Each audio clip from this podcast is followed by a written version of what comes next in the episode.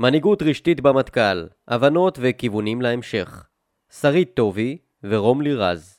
מתוך בין הכתבים, גיליון 8, המטה הכללי, חלק א'.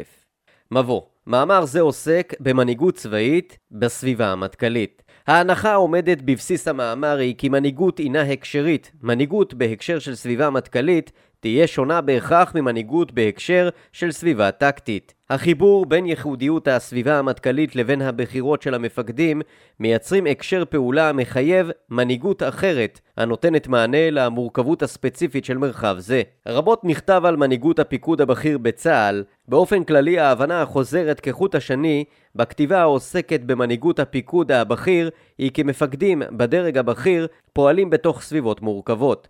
סביבות אלה מתאפיינות בדינמיות ובהשתנות תמידית, בגיוון רב של צרכים, אילוצים, שיקולים ואינטרסים, ולכן גם במתחים, בפרדוקסים ובקונפליקטים, ברשתות סבוכות של קשרים והשפעות הדדיות וכן בריבוי תהליכים המתרחשים בו בזמן ויוצרים חוסר ליניאריות, חוסר ודאות וחוסר יציבות. בהקשר הצבאי מורכבות זו מקבלת משמעויות נוספות וייחודיות. מפקדים בכירים נדרשים לפעול לאור תמורות מהירות בתחומים המבצעיים, החברתיים, התרבותיים והטכנולוגיים. הם נדרשים להתמודד עם קשת שלמה של עימותים, עם שינויים מהירים ותכופים בין סוגים של עימותים, ואף עם קושי להגדיר באופן ברור את מהות העימות ואת מאפייניו. נוסף לכך, הם נדרשים להתמודד עם נראות גבוהה של הפעולות הצבאיות, כך שלפעולה בודדת ומקומית יכולות להיות השלכות מהירות ברמות הטקטיות, הביצועיות והאסטרטגיות גם יחד. כמו כן הם נדרשים להתמודד עם מעורבות חברתית ואזרחית המייצרת תביעות, צרכים ואינטרסים מגוונים בהקשרים מבצעיים, כמו גם בהקשרים של שגרה ארגונית, בנושאים כמו טיפול בחיילים, מדיניות המיון והגיוס, ניהול תקציב ועוד. כל אלו מאפיינים גם את הסביבה המטכ"לית. לצד זאת מתקיימים תהליכים, משימות, צרכים ויחסים נוספים הייחודיים לסביבה זו והמייצרים מורכבות גדולה יותר. הסביבה המטכ"לית מהווה זירה למפגש בין מרחבי פעולה שונים, הלאומי והבינלאומי, זירת המלחמה וזירת המבצעים. בין פונקציות ארגוניות שונות, מטה, מתאם ומטה מקצועי, בין ממלאי תפקידים ופרופסיות, וכמובן בין משימות, צרכים, אילוצים ואינטרסים מרובים.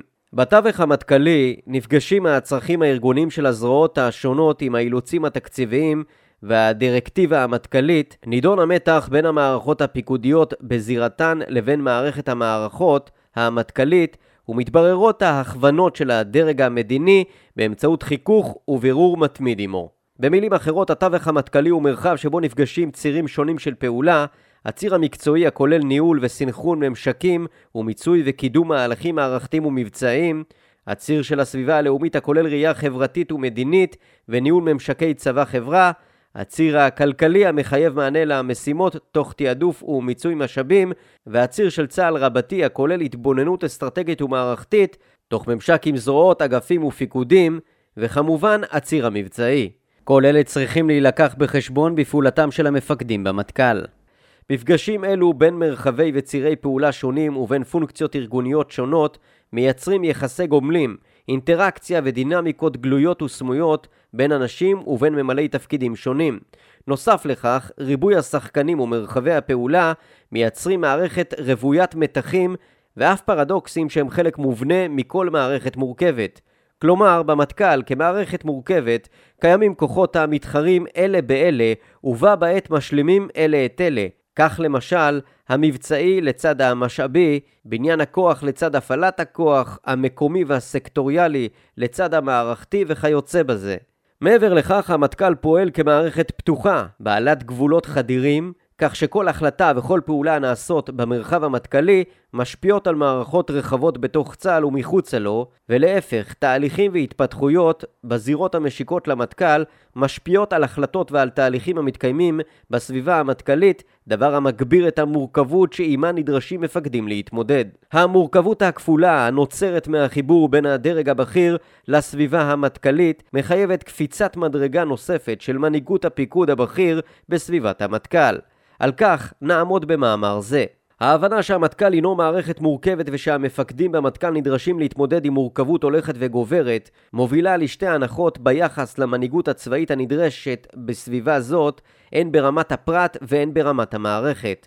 ברמת המערכת נדרש פיתוח תהליכים, מבנים ומנגנונים שיאפשרו יצירת מנהיגות כתהליך משותף, הנוצר מתוך יחסי הגומלין והפעולה המשותפת של מפקדים במטכ"ל, עם פקודיהם, עם עמיתיהם ואף עם מקבלי תפקיד בארגונים אחרים. ברמת הפרט, מפקדים בסביבה המטכ"לית נדרשים לפתח יכולות, כישורים ופרקטיקות שיאפשרו להם לפעול מתוך הבנה מערכתית ומתוך הבנה עמוקה של הדינמיקה המורכבת של המערכת. מהי מנהיגות לצורך דיון זה? אנו נתייחס למנהיגות כתהליך ארגוני משותף, הנוצר מתוך יחסי הגומלים בין אנשים שונים בארגון. כלומר, מנהיגות היא תהליך של השפעה הדדית מורכבת, שנוצרת מתוך אינטראקציה בין פרטים. האינטראקציה גורמת להתהוות מרכיבים אדפטיביים לארגון, כמו דפוסי התנהגות חדשים או דרכי פעולה חדשות, למידה, יצירתיות, חיוניות וסטגלנות.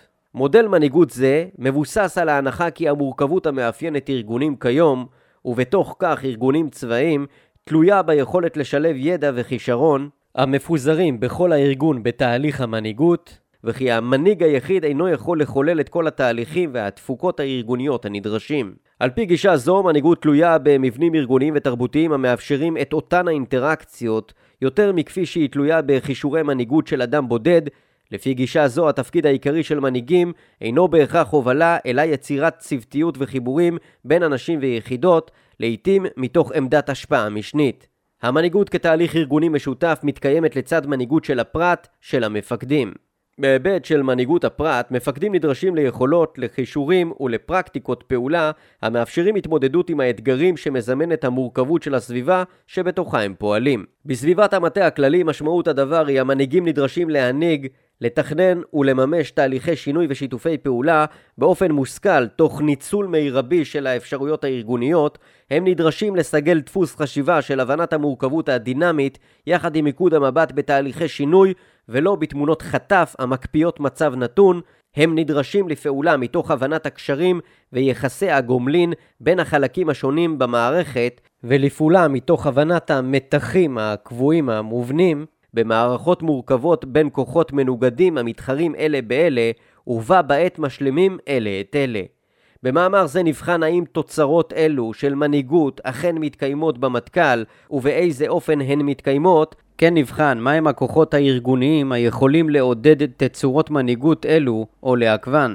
נבחן האם הגישות החדשות והמושגים החדשים בתחום המנהיגות, שהוצגו לעיל, רלוונטיים להקשר הצבאי בכלל, ולסביבה המטכ"לית בפרט. האם הם באים לידי ביטוי במנהיגותם של מפקדים בכירים במטכ"ל וכיצד? לצורך בחינה זו נערכו רעיונות עם מפקדים בסביבת המטה הכללי ונבחנו מסמכי סיכום תפקיד של חלק מהמפקדים הבכירים. מתוך הרעיונות והמסמכים ניתן ללמוד על תפיסת התפקיד של המפקדים ביחס לאתגרים ולמוקדי ההתמודדות שלהם, על תפיסותיהם ביחס לסביבה שבתוכה הם פועלים וביחס ליחסי הגומלין בינם לבין מפקדים אחרים הפועלים בסביבה זו. באופן כללי ניטען כי מתוך דברי המפקדים עולה שהם מזהים את המערכת שבתוכה הם פועלים כמערכת מורכבת ובהתאם לכך הם מיישמים מרכיבים שונים של מנהיגות הנדרשת בסביבה מורכבת במיוחד על יצירת רשתות של קשרים ופעולה בטווח רשתי. עם זאת נראה כי הם מיישמים את עקרון הרשתיות ברמה הבסיסית, רמת המעשה, אך לא ברמת הרעיון. במילים אחרות הם מיישמים דפוסי פעולה רשתיים, מזהים שותפי תפקיד, מזהים אינטרסים וצרכים של גורמים שונים בסביבתם, מייצרים חיבורים בין הפקודים שלהם ובין גורמים שונים ביחידותיהם וכיוצא בזה, אך לא מתוך תפיסת עומק או אמונה ברעיון המערכתי העומד בבסיס דפוסים אלו.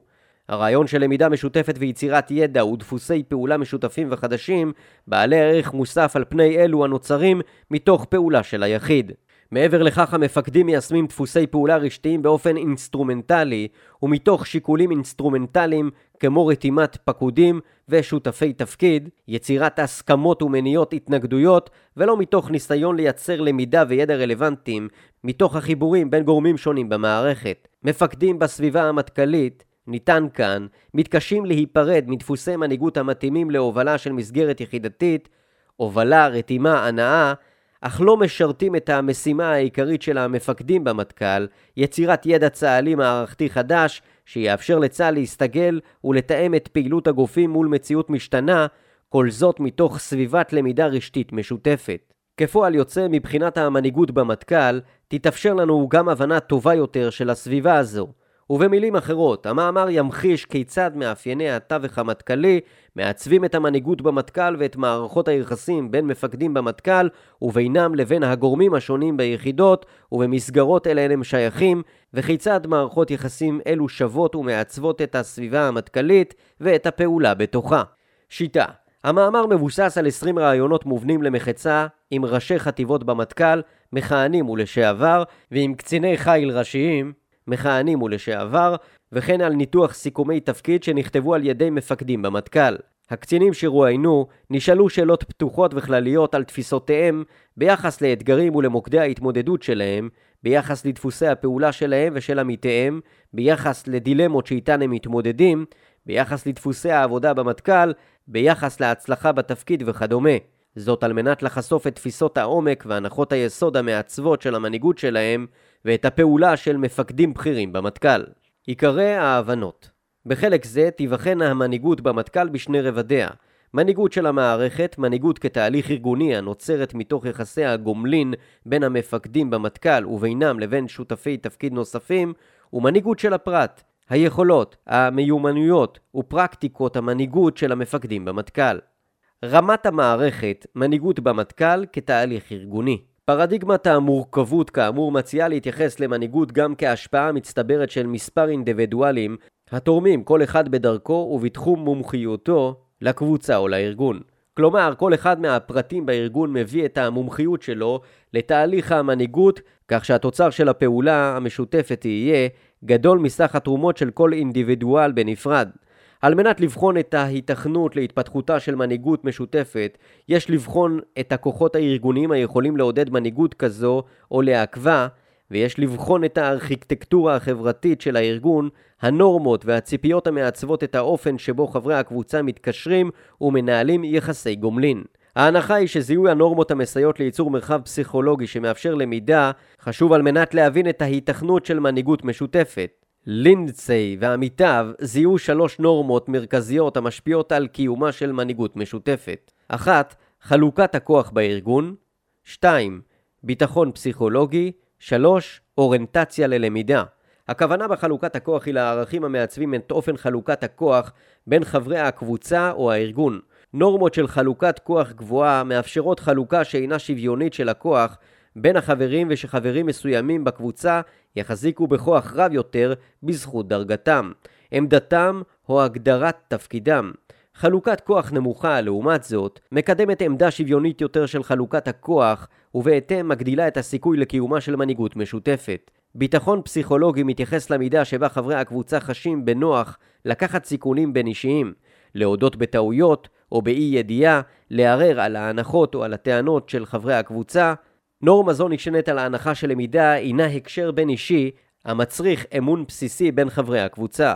אוריינטציה ללמידה מתייחסת לחיפוש אחר אתגרים לפיתוח יכולות, ללקיחת סיכונים באופן אחראי ולקבלה של טעויות אם הן מקדמות למידה. מתוך הרעיונות עם המפקדים במטכ"ל ניתן לבחון האם הנורמות הללו באות לידי ביטוי בסביבה המטכ"לית ובאיזה אופן קורה הדבר. כן מסייעים הרעיונות לבחון את השפעת הנורמות על התהוותה של מנהיגות משותפת הנוצרת מתוך תהליך ארגוני ויחסי גומלין בין השחקנים השונים בסביבה זו. יצירת רשתות כטווח פעולה מרכזי ביטוי מעשי למודל של מנהיגות כתהליך ארגוני משותף הוא יצירת רשתות בתוך הארגון ובין הארגון לארגונים אחרים. ובתוך כך, יצירה, זיהוי, אבחון, ניתוח ואפיון רשתות, שימוש ברשת להשפעה מערכתית, שימוש בידע הנוצר מתוך מפגשים וחיבורים בין אנשים שונים בתוך הארגון, יצירת רשתות להתייעצות, זיהוי מרכזי ידע בתוך הארגון, קידום תקשורת של האחד עם האחר, ויצירת קשר הדוק והשפעה הדדית בין ארגונים. בחינת התפיסות של מפקדים במטכ"ל ביחס לכל אלו מעלה מספר הבנות. תחילה נראה כי המפקדים במטכ"ל מבינים היטב את חשיבותה של יצירת רשתות של קשרים על מנת להניע תהליכים ולממש את משימותיהם.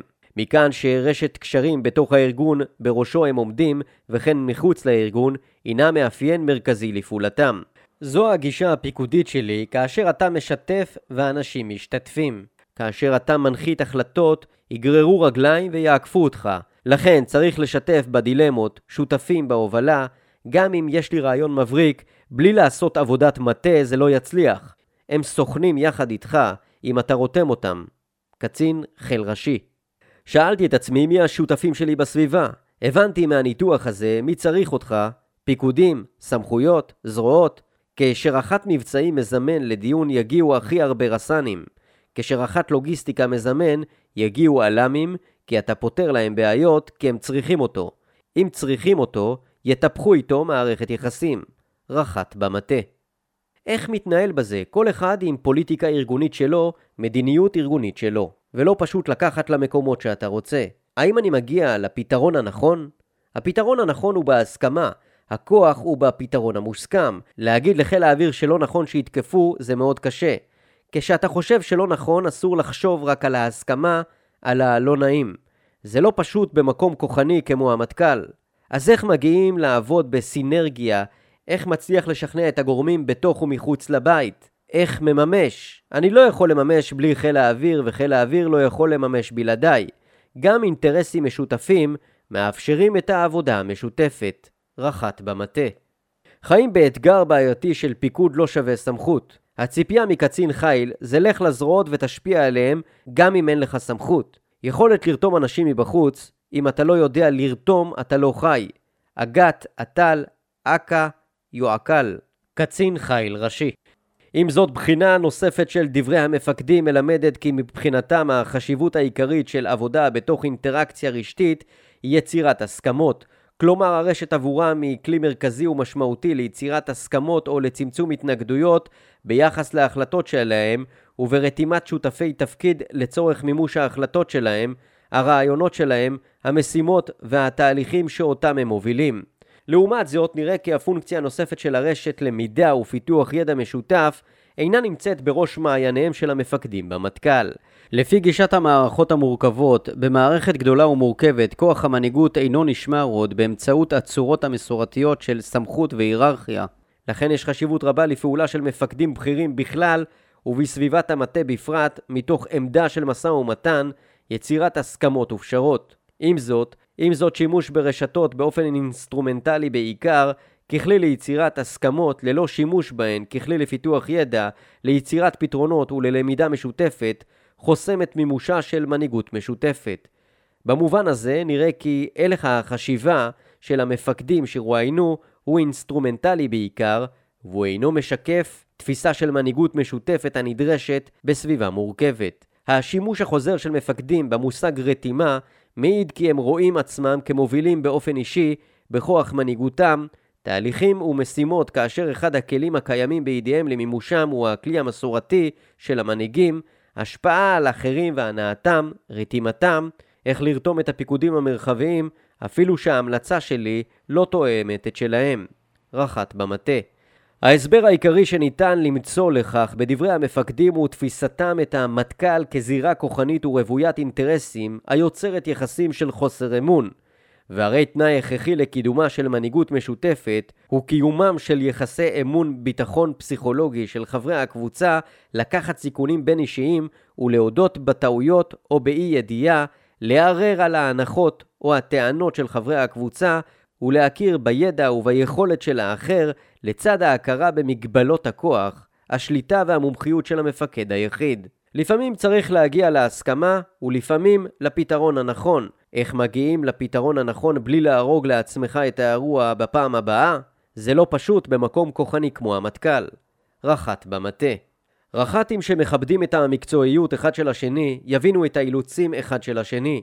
אבל לא תמיד זה קורה בגלל חוסר אמון, המאבקים יכולים לרדת לפסים אישיים, אי אפשר לעבוד עם משקעי עבר, במטכ"ל, יש יותר ענייני כבוד אישי, מעמד, אינטריגות, רח"ט במטה. בתחום בניין הכוח השתרשה תרבות לפיה לגיטימי לא לומר את האמת, לבצע מניפולציות, להפריז בעליות, בתמונות המצב וכולי. לצערי הרב מדובר בתופעה הזוכה לעצימת עין מצד דרגים בכירים בגופים השונים. הדרך להקלה עצמית בהתמודדות עם התופעה היא בנחמה שהכסף שמתפנה או שמתקבל נשאר בארגון ויופנה למטרות טובות וחשובות. רח"ט במטה. ביטחון פסיכולוגי נמוך המונע תהליכים של למידה משותפת מאפיין את זירת הפיקוד הבכיר בצה"ל, כפי שניתן ללמוד גם מדבריהם של מפקדים בכירים שפרשו מצה"ל.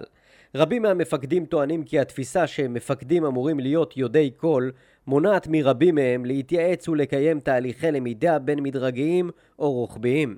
לתחושתם, העמדה של המפקדים הבכירים בצה"ל גורמת לרבים מהם לייצר דימוי פומבי של בקיאות ומומחיות שיש בו כדי להקשות על היכולת להימצא בעמדה לומדת מאחרים ועימם. הצורך להיתפס כיודעי כל משקף את תפיסה מסורתית של מנהיגות שלפיה המנהיג צריך ויכול להחזיק בכל הידע הרלוונטי הדרוש לצורך השלמת משימות ולקבלת החלטות נכונה והיא עומדת בסתירה לרעיון של מנהיגות כקניין של הקולקטיב. כמובן שמאפיינים אלו, ביטחון פסיכולוגי נמוך, תפיסה של מפקדים כיודעי כל, חוסר נכונות להתייעץ ולקיים תהליכים של מנהיגות משותפת, אינם מתחילים עם הגיעם של מפקדים לזירת המטכ"ל או לדרג הפיקוד הבכיר. כל אלו קשורים למאפיינים של הארגון הצבאי שבתוכו הוכשרו והתפתחו המפקדים מתחילת דרכם. אחד המאפיינים החוסם התהוות של מנהיגות משותפת הוא מבנה המנהיגות הדומיננטי בצבא המבוסס על דרגה ועל שרשרת פיקוד היוצרים חסמים מובנים לרעיון של מנהיגות משותפת בצבא. הדרגה ושרשרת הפיקוד זה מהווים ביטוי מזוקק למבנה הכוח בארגון הצבאי המייצר מענה קל וברור לשאלה מי המנהיג. כלומר, המנהיגות היא ברורה וחברים מסוימים בארגון מחזיקים בכוח רב יותר בזכות דרגתם, עמדתם או התפקיד שלהם. במטכ"ל המתח שנמצא בין ההבנה המעמיקה של תחום העיסוק לבין הכפיפות למפקד הקובע את המדיניות בסופו של דבר מתעצם. כך למשל טוענת גל שהמבנה ההיררכי במטכ"ל המייצר עדיפות אוטומטית לדעת המפקד מחמיץ חלק משמעותי מייעודו המרכזי והמקורי של מטה, תיאום ופיקוח מתוך חשיבה וסיור מוחות משותפים. חשוב לציין כי חלק מהמפקדים מאמינים כאחד מתפקידיו של המטכ"ל הוא לפתח ידע. מסכים חד משמעית שתפקיד המטכ"ל לפתח ידע. איך זה קורה? דבר ראשון, על ידי תחקור. מה למדתי? מה היה? גם באירוע שחיל האוויר מוביל, אני אהיה אצלו בתחקיר. מצפה שהמטה יעשה את זה, אבל תוך חיבור השטח, פצ"ן, פדם, לדבר הזה. רח"ט במטה. עם זאת, לא בהכרח נוצרים לשם כך מנגנונים ושיטות מתאימים ולא דפוסי מנהיגות שיתמכו מהלכים של פיתוח ידע משותף. נראה כי המפקדים במטכ"ל, על אף שהם מבינים את התפקיד הייחודי של המטכ"ל ואת המורכבות שאותה הם נדרשים לנהל ושבתוכה הם נדרשים לפעול, מתקשים להשתחרר מדפוסי מנהיגות ומדרכי פעולה מנהיגותיים שהינם אפקטיביים יותר לדרגים זוטרים, אך פחות לדרגתם הנוכחית ולזירת הפעולה שבתוכה הם פועלים. חשוב מכך, נראה כי הם לא פועלים מתוך תודעה והבנה עמוקה של החשיבות והפוטנציאל הגלום בשיתופי פעולה. אנשים מפספסים המון בהבנה של שיתופי פעולה. במערכת האזרחית אני מבין שדברים טובים נולדים מהשאלה איך אפשר לשתף פעולה. זה לא מספיק חי במערכת הצבאית. כל אחד הולך לעולם שלו. רח"ט במטה. שיח ארגוני תהליך ארגוני נוסף שדרכו ניתן לבחון את קיומם של מודלים של מנהיגות משותפת הוא התהליך של שיח ארגוני. שיח ארגוני הינו ביטוי משמעותי לקיומה של מנהיגות משותפת והוא גם תשתית הכרחית להתהוותה. הבנה זו נשענת על ההנחה כי מרכיב מרכזי בתהליך המנהיגות בכלל ובתהליכים של מנהיגות כתהליך ארגוני בפרט הוא ההתקשרות לאחרים. לכן מנהיגות מתאווה ומתקיימת דרך פרקטיקות של שיח. לשיח ארגוני ישנן מספר פונקציות עיקריות הרלוונטיות לפעולה הנדרשת בסביבת המטכ"ל. ראשית, שיח ארגוני מפגיש בין מגוון תחומי מומחיות המפוזרים בין אנשים רבים בארגון, כאשר כל אחד מהגורמים בארגון מביא את המומחיות שלו לתהליך המנהיגות. שנית, שיח ארגוני מהווה תשתית לעיצוב ההקשר שבתוכו פועלים מפקדים ולשינוי והתפתחות הנדרשים בסביבה דינמית. זאת בהתאם לגישה הרואה שינוי ארגוני כתהליך החלפת שיח. לבסוף, שיח ודיאלוג ארגוניים מאפשרים לקדם תקשורת בין מפקדים. מפקדים טובים ומוכשרים הם תנאי הכרחי אך לא מספיק. אם אותם מפקדים מוכשרים אינם יודעים לשוחח, לחשוב, לתכנן, לפעול וללמוד יחד, סביר שיתרחשו כשלים מערכתיים. מדברי המפקדים במטכ"ל נראה כי שיח ארגוני אינו מתקיים בהכרח. זאת בשני מובנים. ראשית, יש הטוענים כי לא קיימים פלטפורמות, מרחבים והזדמנויות לשיח ארגוני. הכל תלוי בתהליך, לפעמים אתה עובד מול כל אחד בנפרד, יושב בנפרד עם הראש ומסביר לו ובונה את ההיגיון ולעיתים כותב את הסיכום מראש. רחת במטה. חלוקת העבודה של אגפי המטכ"ל היא בעייתית, לא מאפשרת למצות את הפוטנציאל של הצבא. יש בדלנות גדולה, לא מתקיימים איזונים ובלמים בצורה טובה. רחת במטה. שנית, ואולי חשוב מכך, לפי דברי חלק מהמפקדים שרואיינו, לא קיימים תנאים שיאפשרו שיח משמעותי המייצר למידה והתפתחות. תנאים אלו הם כאמור אמון באחר והכרה במקצועיותו, בידע שלו וביכולתו, לצד הכרה במגבלות הכוח, השליטה והמומחיות של המפקד הבודד. וכך לצד מפקדים שהציגו כי במטכ"ל קיימים יחסים טובים בין המפקדים המאפשרים עבודה משותפת ושיח מקדם למידה, היו שטענו כי היחסים הבין-ארגוניים והבין-אישיים במטכ"ל אינם מאפשרים זאת. גם אינטרסים משותפים מאפשרים את העבודה המשותפת. חשבתי לעשות ערב לכל הרח"טים, אבל לא באמת היה צריך כי הקשר טוב מאוד בין האנשים. בעבר זה לא היה ככה. רח"ט במטה.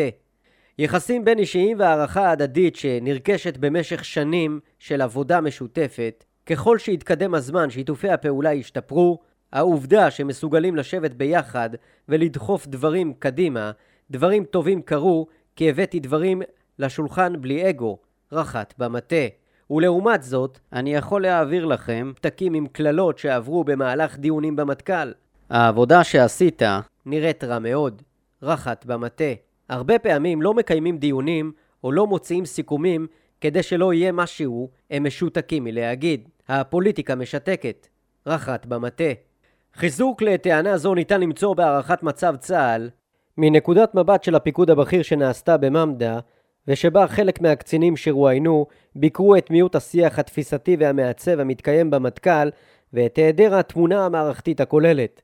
לתפיסתם השיח הקיים בין האגפים והזרועות הינו מועט וכשהוא מתקיים הוא אינו מהווה מרחב לבירור תפיסתי. כך למשל, מיעוט שיח תפיסתי ביחס לכיווני הפעולה הצה"ליים מוביל לכך שהעיסוק בהתעצמות במסגרת התר"ש מוביל להתעצמות של כל גוף בפני עצמו ללא ראייה אינטגרטיבית. אין שיח בין האגפים, אין שיח עיצובי, אין מקום שבו אמ"ץ ואג"ת יושבים יחד, אמ"ץ ומזי. המטכ"ל לא עובד כצוות באזורי התכנון והעיצוב. נראה אם כך כי המאפיינים של סביבת המטכ"ל אומנם מייצרים פוטנציאל לשיח, אך בה בעת הם גם חוסמים את היכולת לקיים שיח המאפשר למידה ומעצב תפיסות חדשות ומשותפות. מן הצד האחד, המטכ"ל הינו הסביבה העיקרית בצה"ל, שבה מתקיים מפגש בין גופים שונים, ושלכל גוף יש תחום מומחיות שונה, והחיבור בין תחומי המומחיות והידע מאפשרים ראייה כוללת ורחבה הנדרשת מגוף שתפקידו לתאם. מן הצד האחר, השונות בין הגופים המרכיבים את המטכ"ל שאינה מתבטאת רק בידע ובמומחיות, היא גם זו היכולה לחסום פרקטיקות של שיח שייצרו תהליכים של מנהיגות משותפת. גל למשל מדגישה את השונות בין הגופים מבחינת התרבות המאפיינת כל אחד מהם. המפגש הבין תרבותי אומנם מסקרן ומלמד, אך הוא יכול להיות גם טעון רגשית ומאיים, ולעיתים נגלה בו מאבק שבו כל תרבות מנסה לבטל ולהפחית מערכה של זולתה. מפגשים בין תרבויות גם מכילים בתוכם פוטנציאל לוויתור על תפיסות ארגוניות, על ערכים ועל נורמות ארגוניים, ואולי גם על משאבים. כל אלו חוסמים את המפגש ואת השיח המשותף האמור להיווצר בתוכו. השונות בין הגופים במטכ"ל מתבטאת גם במידת הכוח ובפוטנציאל ההשפעה של כל אחד מהם. גופים הנתפסים כגדולים וכבעלי משאבים והשפעה על המשימה יכולים לקבוע את דפוסי השיח. הם יכולים להנכיח את התפיסות והעמדות המקצועיות שלהם ולהשליטן, ואף להדיר מהשיח גופים אחרים העשויים לאתגר את ההגמוניה שלהם.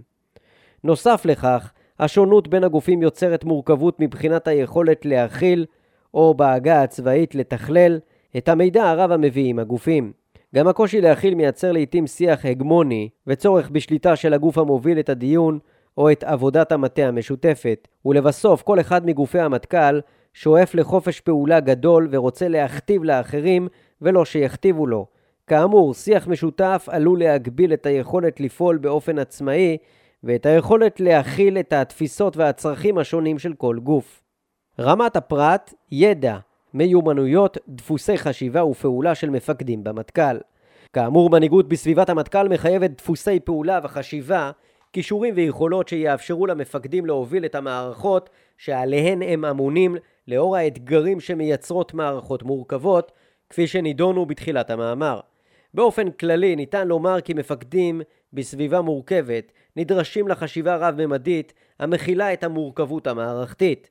האם וכיצד דפוסי חשיבה ופעולה האלו באים לידי ביטוי בתווך המטכ"לי?